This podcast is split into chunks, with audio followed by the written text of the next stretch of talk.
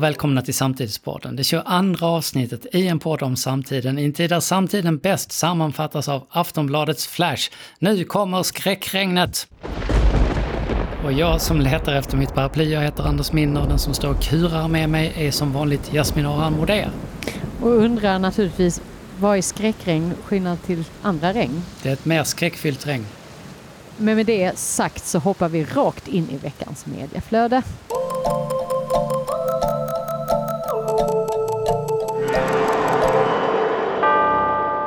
Och här hittar vi att Europadomstolen för de mänskliga rättigheterna i veckan kom fram till att den svenska FRA-lagen som reglerar statens hemliga massövervakning inte uppfyller Europakonventionens krav på skydd för den personliga integriteten.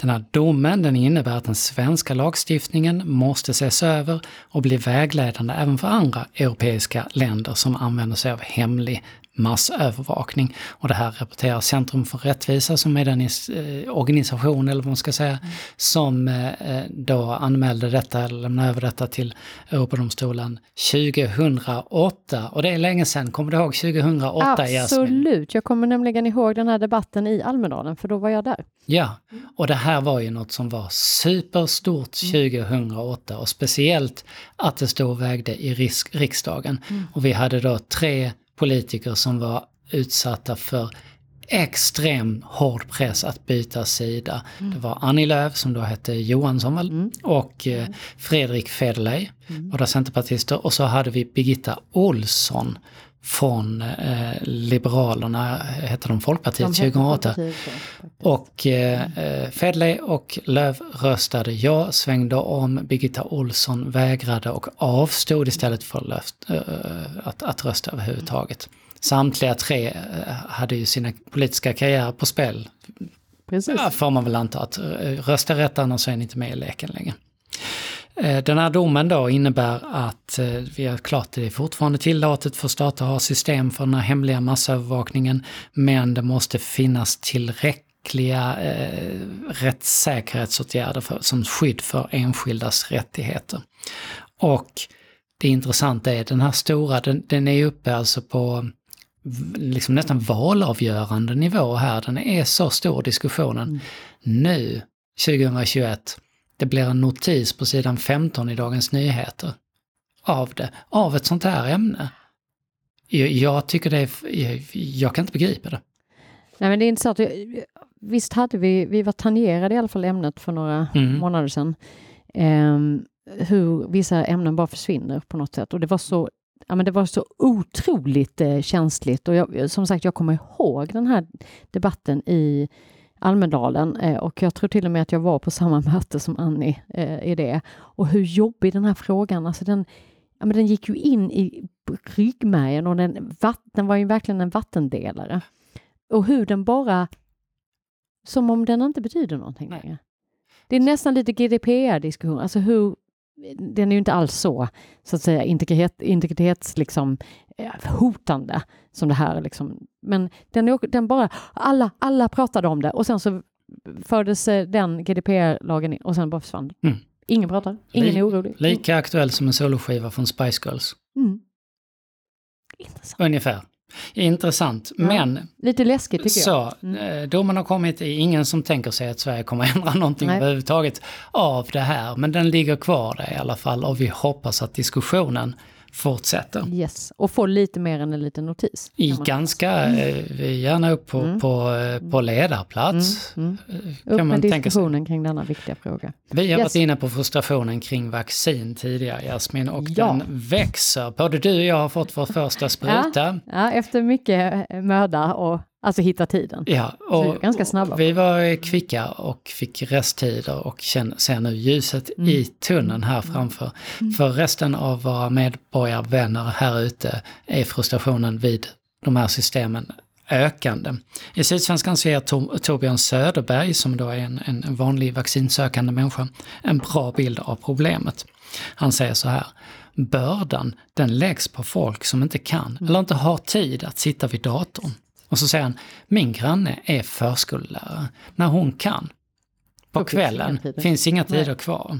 Och innan de har börjat jobba på morgonen, då har man inte öppnat Då har man inte öppnat den. Då öppnar man den klockan nio. Eller hur? För då är ju alla tjänstemän på hela det- den offentliga, då är de, då kan de ta sig tid. Ja. Förlåt att jag raljerar, men det Ja. är inte klokt. Det, det är ju inte klokt. Region Stockholm har en app som heter Alltid öppet.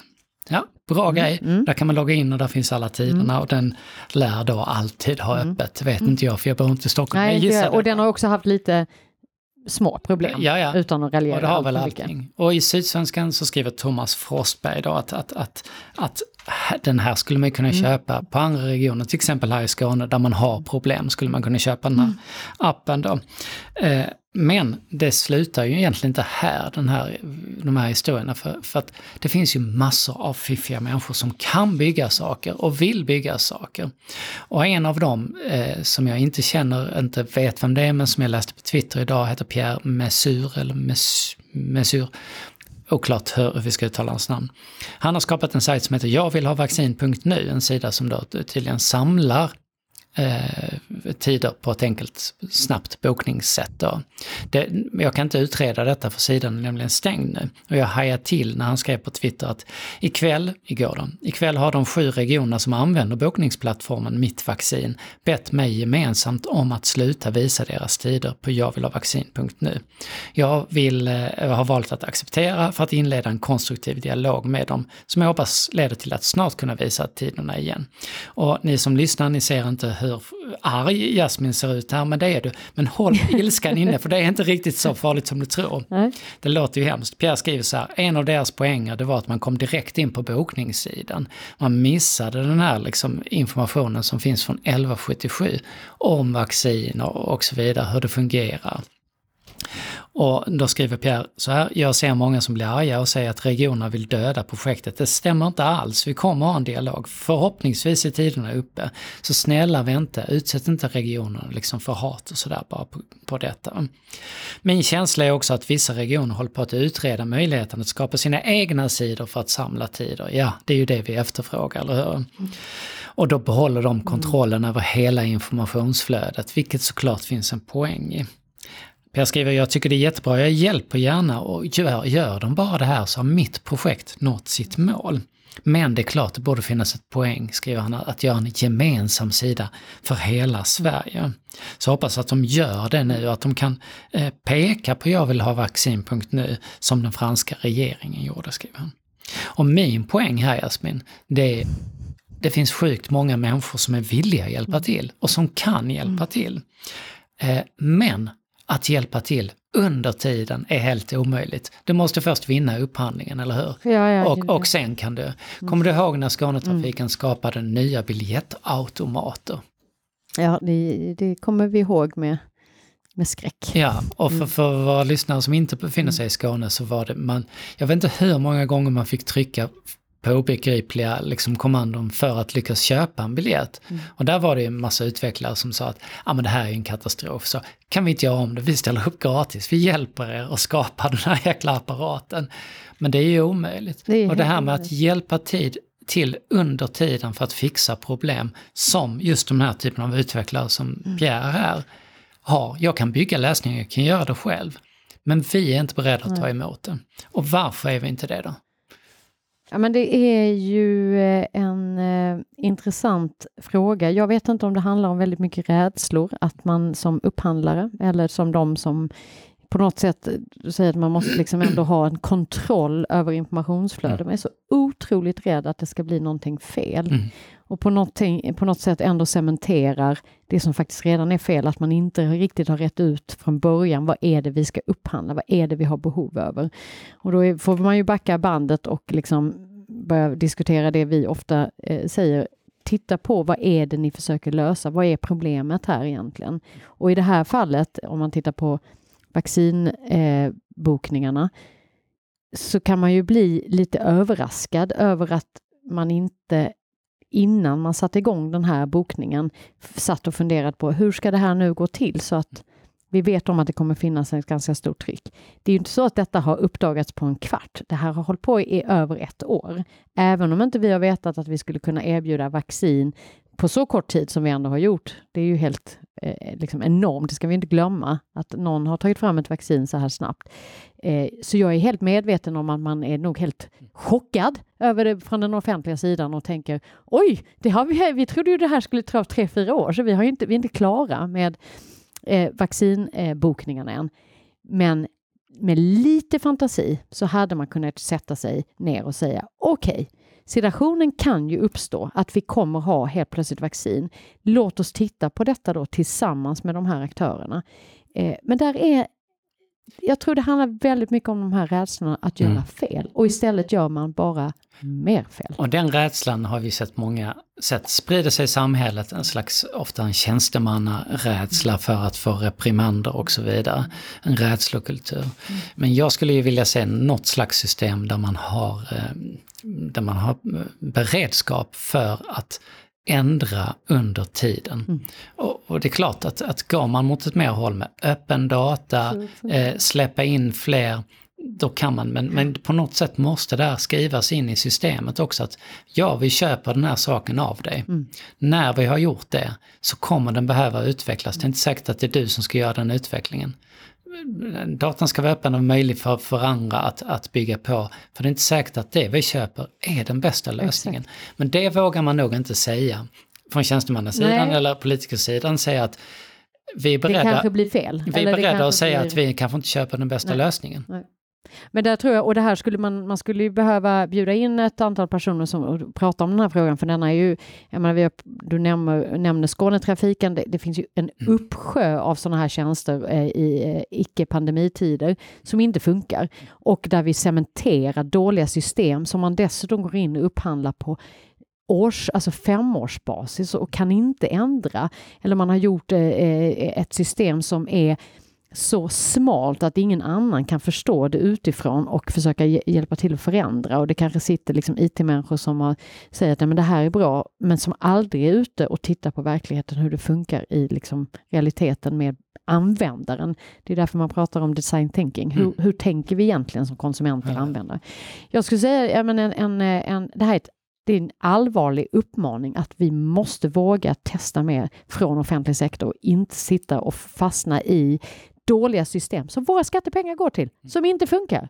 Alltså jag har hört så många historier nu eh, om vaccinbokningar som ju sker liksom bakom kulisserna. Mm -hmm. Man ringer i någonstans, man lyckas komma igenom genom att man bara trycker igenom sig som om man ska gå till en vanlig bokning eller man, man vi har liksom, min man var, åkte hela vägen till Klippan igår för att ta sitt vaccin. Uh, ja men det blir, för ni, er som inte bor i Malmö, det tar en timme, en och en halv timme från var mm. vi bor.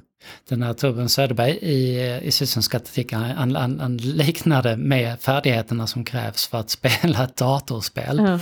Säga man måste trycka ja, ja. väldigt snabbt på väldigt många, många Och många skärmar samtidigt. ja, eller så här, slå krokodiler på en nöjesplats för sådana som åker ut, man står med klubbor och man ska... Exakt. Men ja, är Vi kommer att återkomma till detta med all säkerhet framöver och vi lämnar veckans mediaflöde.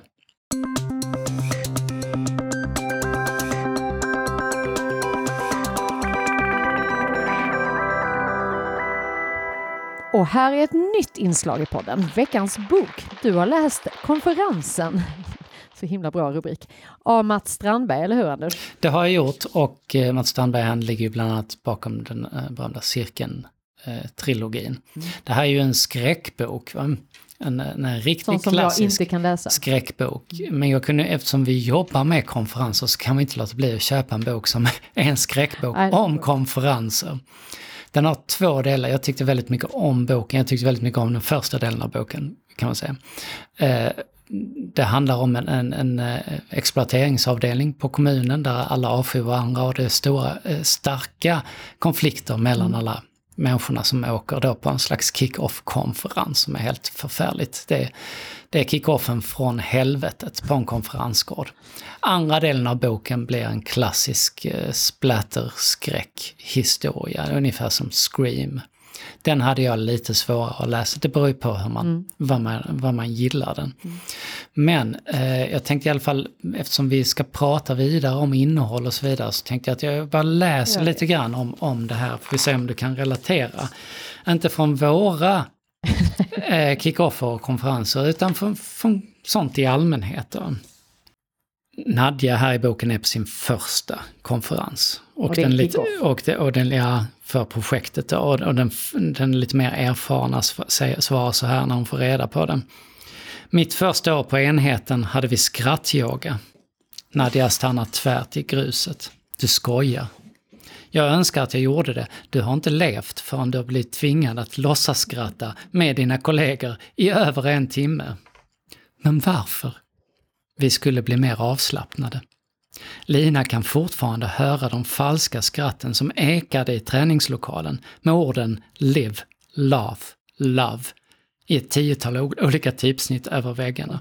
Hon kan minnas hur det var att gå runt på plastmattan och stanna framför varandra, känna stötarna av Torbjörns kaffeandedräkt mot ansiktet. De fortsätter att gå. En annan gång fick vi rappa om våra bästa egenskaper på jobbet. Med bak och framvända kepsar och stora guldkedjor. Oh. Lina, vad obehagligt. Lina minns bara att Ingela rimmade prestigelös med gillar fullt ös. Det var höstkonferensen 2017. eh, vi gav varandra artistnamn. Jonas döpte mig till Big Mama L. Lina tänker på förra årets konferens. De fick få på sig ögonbindlar och skulle hjälpa varandra genom en hinderbana på en äng utanför Västerås. Jonas tog täten, de gick vilse på en gång. Efteråt visade det sig att Annette hade haft rätt hela tiden, men ingen hade lyssnat på henne. Hon lät dem inte glömma det under resten av konferensen. Efter hinderbanan blev de tillsagda att ta av sig ögonbindlarna och som finalnummer fick de glå, gå över glödande kol. Ja, den här boken är alltså full av eh, den här typen av eh, alltså, eh, närmast terapeutiska eh, berättelser för oss som har varit med mm. den typen av, av konferensresor. Mm. Mm. Och jag kan varmt rekommendera den till hela vår bransch att, mm. att läsa för att, att få delen. lite första delen. Andra delen, den är lite mer hardcore. Okay. Alltså detta är så när du läser upp det, jag, blir, jag får nästan ångestattacker. Alltså man har ju ändå suttit i några sådana scenarier. Har, har, du varit på en sån? Ja, men jag har varit på, alltså jag, man har ju ändå varit med i lite på sådana här grejer. Inte arrangerade av oss då. Alltså man kan, ju, mm. kan man ju då tänka att vi... Men när man själv, och just när man har kommit in lite som ny och så ska man vara med i någonting som känns väldigt jag gillar ju visserligen sårbarhet, att våga visa och blotta sig. Va? Men det finns sårbarhet och sårbarhet. Det, det, alltså det är så många delar som är så dumma och där har man kanske inte tänkt igenom vad man egentligen vill ha ut av sin kickoffer. Inte riktigt. Nej, fy fan. Man bara eh. får. Vi hade ju i och för sig en kick-off kick där vi skulle rida. Ja, ja. det hade och vi. Om man, då ska man bara medskicka att också ta reda på om, om man inte gillar att rida alls eller tycker det är obehagligt. För då kan det vara Som jobbigt. chef är det jävligt dumt och tvinga någon då att göra det. Det var, jag känner att jag fick lära mig en hel del där, att uh, man får nog tänka igenom innan man driver igenom konstiga övningar. Lärdomen var väl att, att helt nyanställda kanske inte vågar yttra att, att de är livrädda för hästar innan, utan snällt sätter sig på hästen. Där fick jag en eh, ordentlig tankeställare. Men eh, det har jag lärt mig någonting av. Nu gör vi inte sådana grejer utan att fråga. Nej, och han kan rida nu så att... Eller hur? Eller hur? Bara det. Fantastiskt. Men vi ska gå in i veckans huvudämne som är lite, lite behäftat med mm. detta. Det är Almedalen. Mm. Eller, På obehag, tal om obehagliga upplevelser. hästar och skrattyoga. Ja, förra året så, så blev vi, vilket vi är sjukt stolta över, utsedda till innovativast i Almedalen för våra digitala sändningar. Och i år är vi såklart tillbaka igen. Vi har tre toppstudior, digitala studior, vi har nio ämnesspår, vi har tre dagar fulla med samhällsdebatt. Och, och hör gärna av er till er om, om ni vill att vi ska hjälpa er med, med detta. Men vi ska prata nu om hur man når ut under Almedalen. Och det är just sådär, kikar man på mediediskussionen så handlar den ofta om sådana här saker, just som vi fick priset innovativast, man gör något speciellt då. Vi hade digitala rosémingel och, och så vidare, vilket gav massa uppmärksamhet. Men PR och marknadsföring och så vidare, det är ju inte samma sak som att egentligen nå ut med Nej. sitt budskap. Och man kan notera då att mediegenomslag är inte heller samma sak som att nå, nå ut med sitt budskap. Det kan bara vara massa fluff. Mm. Och då kan man ju börja här med att fråga, och det gäller inte bara Almedalen, det gäller allting man gör i mötessammanhang. Så, ja men, nå ut, vad, vad innebär det för dig? Vad inne, nå ut till vem? På vilket sätt? Vad är det du vill uppnå? Och där tjatar vi ju alltid om att eh, oavsett som du säger att, att verkligen fundera på men vad är det jag vill egentligen? Mm. Vad är det du vill med det här initiativet, mötet, konferensen, workshopen? Och det skulle jag ju skicka tillbaks till allt man initierar, alltså oavsett om det är ett eh, barndop eller säga, eller ja, men vad är det du vill liksom att de som kommer men också att fylla dina mål. Eh, och är det ett måndagsmöte, eh, vad är det du vill ut? Så vi tjatar ju om hela tiden. Vad är ditt mål med det här mötet? Vad innebär ett resultat och vad och hur ska det tas vidare när den här programpunkten är slut? Alltså har man det så kan ju en sån här timme på en Almedalen det kan ju ge mer än en helt, helt års marknadsföring mm. i, i liksom oklara kanaler. Ja men eller hur, och har man, har man då, om man tittar på Almedalen har man bra engagerade presentationer, man har ett, har ett innehåll som är på plats och man, man har en, en inramning, man har en vettig moderator som kan sitt jobb och inte bara därför att den personen är känd. Har man ju kommit långt mm. liksom så. Men resultat, det är ju bara någonting man får om innehållet verkligen stämmer överens med Precis. målet. Mm. Och eh, här kan vi se när vi grottar ner oss kring sådana här saker, då är vi oftast lite besvärliga mot våra kunder på det sättet att vi inte släpper frågan, för vi vet ju att, att släpper man det i början så blir det inget resultat av det. Så att när man kommer till oss så ser man att vi vill nå ut med vårt ämne, så säger vi ju alltid att det där är för luddigt. Mm. Eller hur? Mm. Vi måste... Ja, men, och det hamnar, vi hamnar ju ofta i situationen också där man säger, att vi vill göra någonting. Eh, Okej, okay, men vad är någonting? Nej, men vi vill ändå liksom hit, nå den här eh, målgruppen. Ja, men varför då? Varför vill ni nå den, just den målgruppen? Jo, men, de, ja, men då kan man ändå förstå, ja men den vill vi ändå ha som kund eller som vad det nu kan vara. Eh, och sen har vi ändå tänkt på Petter Stordalen som talare. Man bara, fast den talaren har ju ingenting med en målgrupp. Det har ju ingenting med varandra att göra. Alltså Petter är ju jättekul att ha, men det har ju ingenting med det. Jo, men då kommer vi ju locka människor. Mm. Jo, men ni kan ju inte bara locka människor för människornas skull. Alltså de måste ju vara där, om ni nu vill ha dem som målgrupp eller kund eller vad det nu är. Så det är igen där, varför, vi, varför är det viktigt med varför? Att, mm. för det är ju först då du kan sätta ett innehåll och vem som faktiskt ska ställas på scen, eller hur?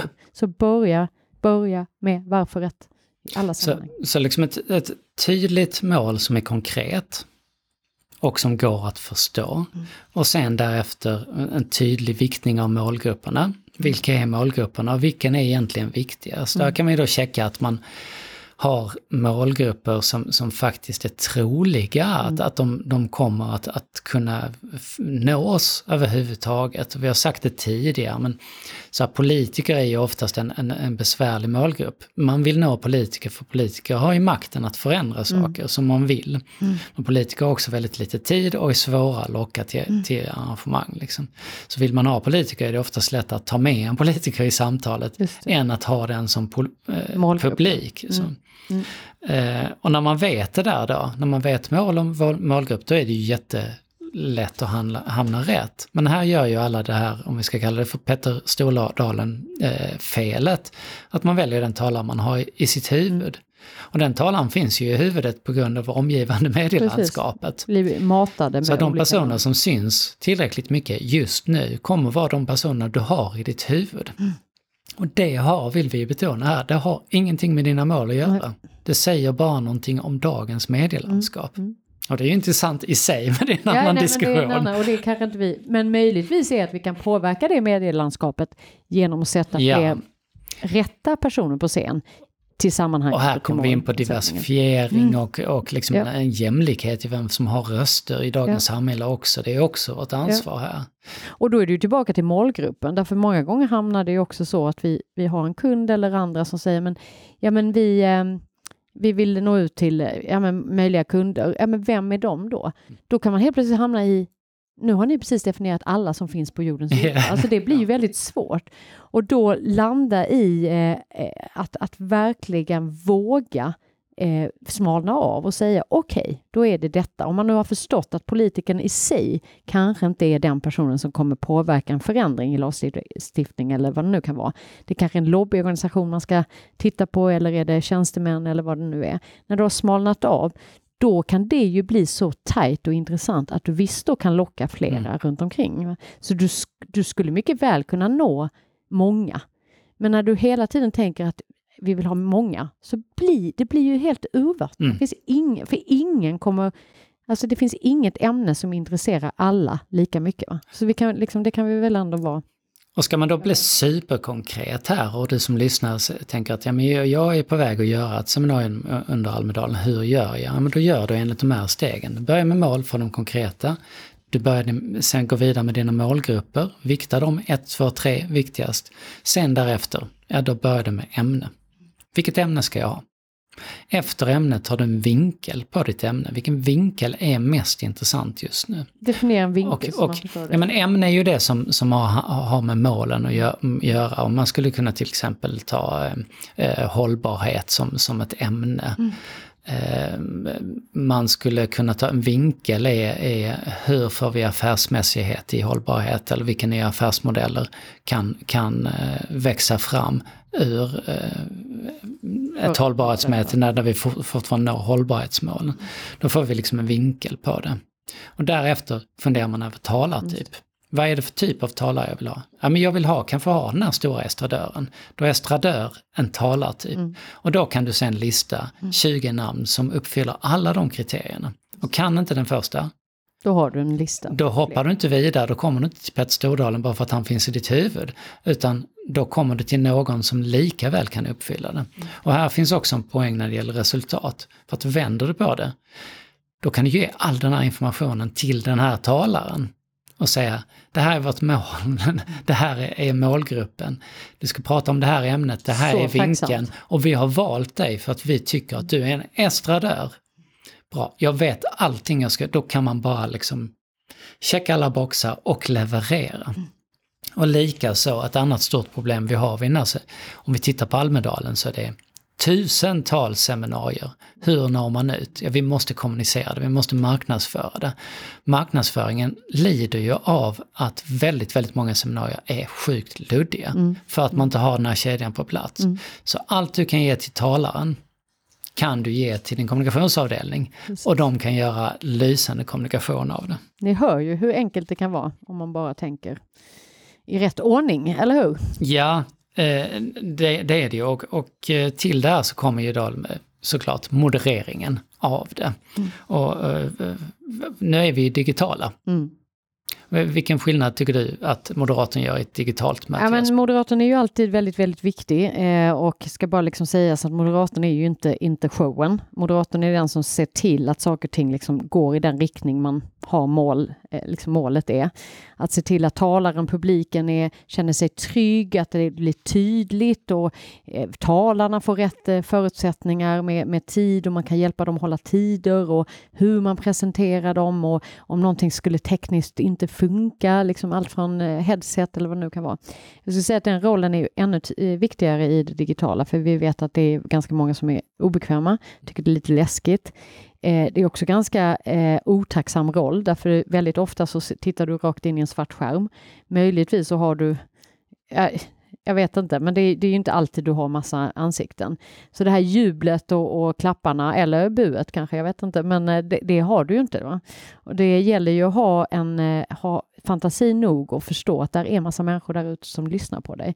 Och att försöka hålla uppe den energin och mm. gör du då Ja, det kanske man klarar i 30 minuter, men som ibland vi hamnar i, i, i sammanhang där vi kanske måste göra sex seminarier på en dag, ah, mm. 40 minuter. Det gäller att hålla jävligt mycket energi mm. och eh, fantasi i huvudet för att hålla uppe det, entusiasmera, få med talarna, få med publiken, få dem att interagera. Så ha en, en moderator som både känner sig bekväm inför denna mm. tomma svarta eh, skärm och entusiasmera ja. är superviktigt. Alltså, Men samtidigt vara välförberedd. Allt det som vi ändå ställer ja. krav på. på alltihop. Alltså någon som gillar det. Mm. Och ofta vid den typen, även ofta under Almedalen, mm.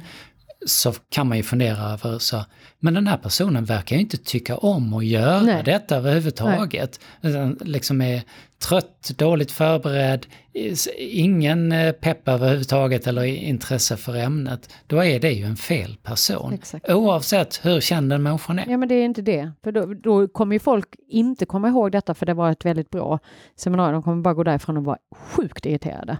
Så ja, det, det har jag ju blivit ett antal gånger. Så är det. Och både du och jag modererar ju mycket eh, själva. Vad, vad, är viktigt för dig för att kunna leverera Jasper? Ja men då är vi ju tillbaka till mål, målet. Eh, det finns ju inget värre än att hamna i en situation där man säger ja men absolut, ska jag vara med under förberedelsen? Nej, nej, det behövs inte för då vill de ju inte betala de extra timmarna. Men det som då tyvärr ofta händer är att man får ett ganska halvkast eh, underlag eh, och där vi kanske är väldigt tydliga med att vi behöver förstå. Då är vi tillbaka till den här besvärliga liksom, leverantören. Mm. Vad är det du vill med detta? Eh, vad är det de ska, liksom, vilken typ av frågeställningar är, är då viktiga att vi tar upp? Och också försöka i alla fall i ett, ett rimligt eh, eh, tidsscenario få tag i alla talare som ska vara med så att man hinner prata igenom och förstå vad, vad är deras vinklingar, hur vill vi lägga upp det och så vidare. Vilket, och att få lov att vara med och bestämma det. Precis, vilket är precis som det du sa innan, det är ju jätteviktigt för dem att känna sig trygga, ja. att de har pratat igenom det. Ja. Jag tror att vi ska utgå ifrån att väldigt många människor känner nervositet eller en viss obekvämhet med det här digitala formatet. Eh, och även på en scen ja, ja, såklart. Men att, att det blir en trygghet att få prata med ja. någon innan överhuvudtaget. Liksom. Och bara lite superkort här innan vi avrundar där. Det här är också sånt ni kan tänka på alla era möten. Att du har ett före och du har ett under och du har ett efter. Och speciellt tydligt är det här under en sändning, eller den hybridvärld vi går in nu där digitalt och fysiskt mixas. Mm. Liksom. Mm. Och före, då, då det, kan du tänka, finns det information som måste finnas på plats? Du kanske vill produ producera liksom, kommunikation, white papers, pdf-er, de ska ligga någonstans, de ska kunna skickas ut under seminariet. Allt det måste du göra innan. Interaktion måste förberedas redaktionellt under ditt möte så vill du antagligen ha interaktion, eller hur? Absolut. Och den måste ju då skötas av någon.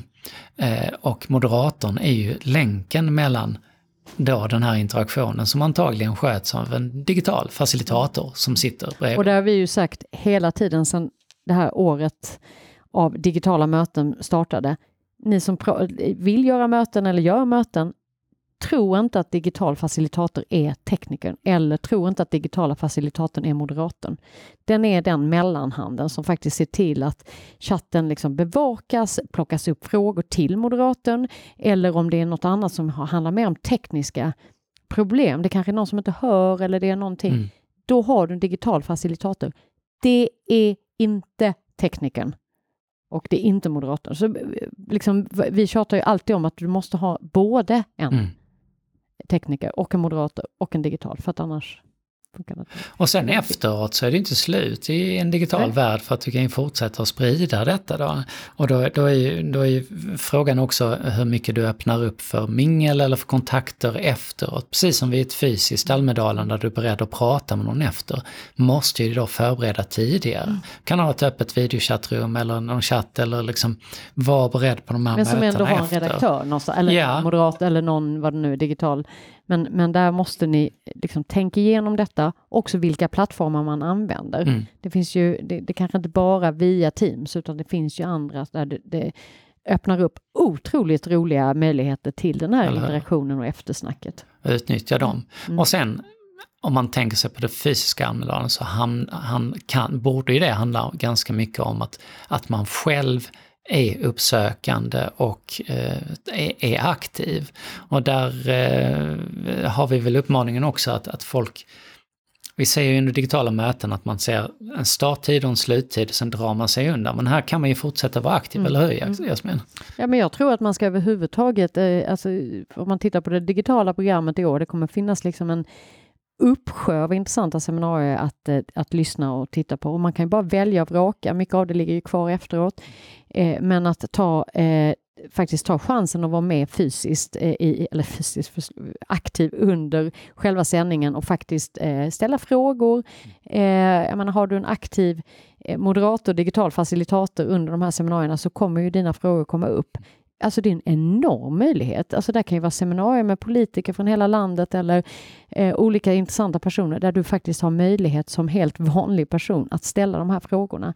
Det är inte så ofta det händer, så ta möjligheten. Och eh, vi brukar ju säga att den, den, stora fördelen med det digitala eh, Almedalen, eller även om vi hade gärna sett att lite fysiskt Almedal också fanns, så ska vi inte glömma bort att digitala, vad det har möjliggjort, är att vi kan alla har möjlighet att vara med oavsett om de har tid eller råd att åka till den fysiska mm. platsen. Mm. Och ta möjligheten att faktiskt engagera sig, ställa frågor, kommentera eh, intressanta eh, olika ämnen fantastiskt demokratisk mm. möjlighet. Mm. Alltså det, nyttja det. Vänta inte att alla kommer till dig, du kan faktiskt också gå till Exakt. andra. Det kan också vara att uppnå dina mål. Och vill ni veta mer om det här, ja men då kan ni gå till altitudemeetings.se. Där hittar ni nyskrivna white papers som just det här vi pratat om nu. Och dessutom vilka fem teknikcheckar du måste göra innan ditt möte för att få det på plats. Och allt sånt är kostnadsfritt. Alltså när vi pratar om de här white papers och små fantastiska informativa eh,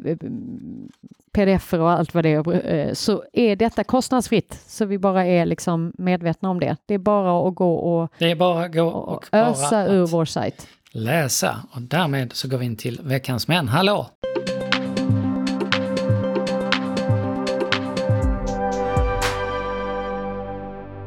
Och på DN Debatt så skriver företrädare för miljöorganisationer att Sverige är på väg att göra ett historiskt misstag när det ser ut som att vi kommer att förbjuda försäljning av bensin och dieselbilar, men göra undantag för hybridbilar.